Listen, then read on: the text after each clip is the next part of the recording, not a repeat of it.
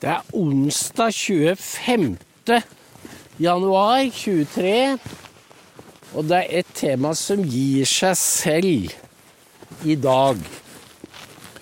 Og det er kontrasten mellom krigsvilligheten overfor Ukraina og unnfallenheten overfor islam. Det er en så stor kontrast at man aner at det er noe med den krigsvilligheten overfor Ukraina og Russland som ikke helt stemmer. Fordi det går ikke an å være handlekraftig på vegne av et annet land, og så helt unnfallende overfor sitt eget. Da er det noe gærent. Og vi ser at de nærmest løper i flokk og kappes om å gi nå tyngre og tyngre våpen til Ukraina. Og jeg har ikke noe problem med å forstå nødvendigheten av det. Men jeg savner, som jeg har sagt før, analyse av de ulike scenarioene hva er strategien?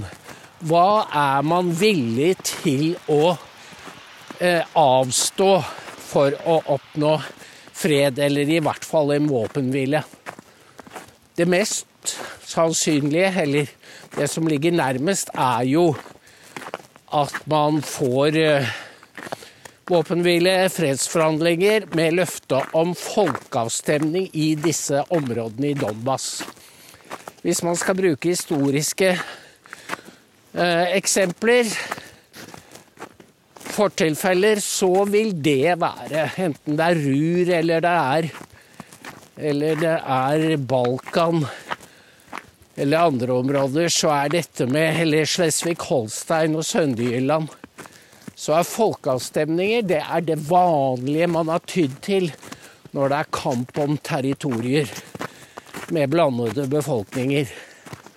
Og det er det jo. Så hvis man har maksimalkrav, sånn som Lindsey Graham og Jens Stoltenberg og disse folka har, de skal kaste russerne ut av hele Ukraina, inklusive Krim. Og det tror jeg ikke de klarer. Jeg tror de kommer til å kjøre seg fast.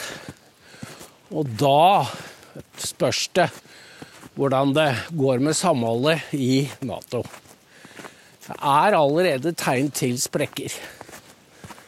Men eh, så var det islam, og der er det Der er det ikke handlekraft i det hele tatt. Der er disse politikerne helt som dørmatter i forhold til islam. Jeg var borti noe interessant nå rett før jeg gikk ut, og det var jo krangel i Sverige hvor et Liberalerne er jo et støtteparti for regjeringen. De er i harnisk over at Chang Frick, redaktør for Nyheter i dag, og med i eh, TV-kanalen Riks TV, som SD driver Chang Frick har vært med å invitere Rasmus Paludan til Sverige. Det visste jeg ikke. Og dette er liberalerne fly forbannet for. Og forlanger at SD, SD tar avstand og kutter forbindelsen til Jean Frick. Det kommer de ikke til å gjøre. Og i går så skrev da Jimmy Oxon at uh, det får være måte på når Ulf Kristersson forstår og har empati med krenkelsen som svenske muslimer er utsatt for. Fordi, som han sier, vi er jo Vi lever faktisk med islamistisk hot, trussel, bilde. Og det var godt å se at Jimmy Oxon turte å ta i såpass. Men eh, det sier jo litt om Ulf Kristersson, ikke det at jeg hadde noen som helst forhåpninger til ham. Men Ukraina derimot der er han modig. Og dette er jo da historien om disse vestlige politikerne.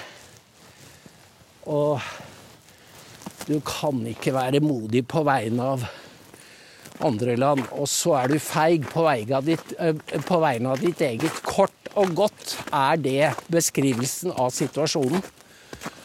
Og det er som om Nato-landene da kompenserer for unnfallenheten på hjemmebane ved å kjempe drabelig for andre. Merkelig, merkelig psykologisk prosess. For det pleier å være omvendt.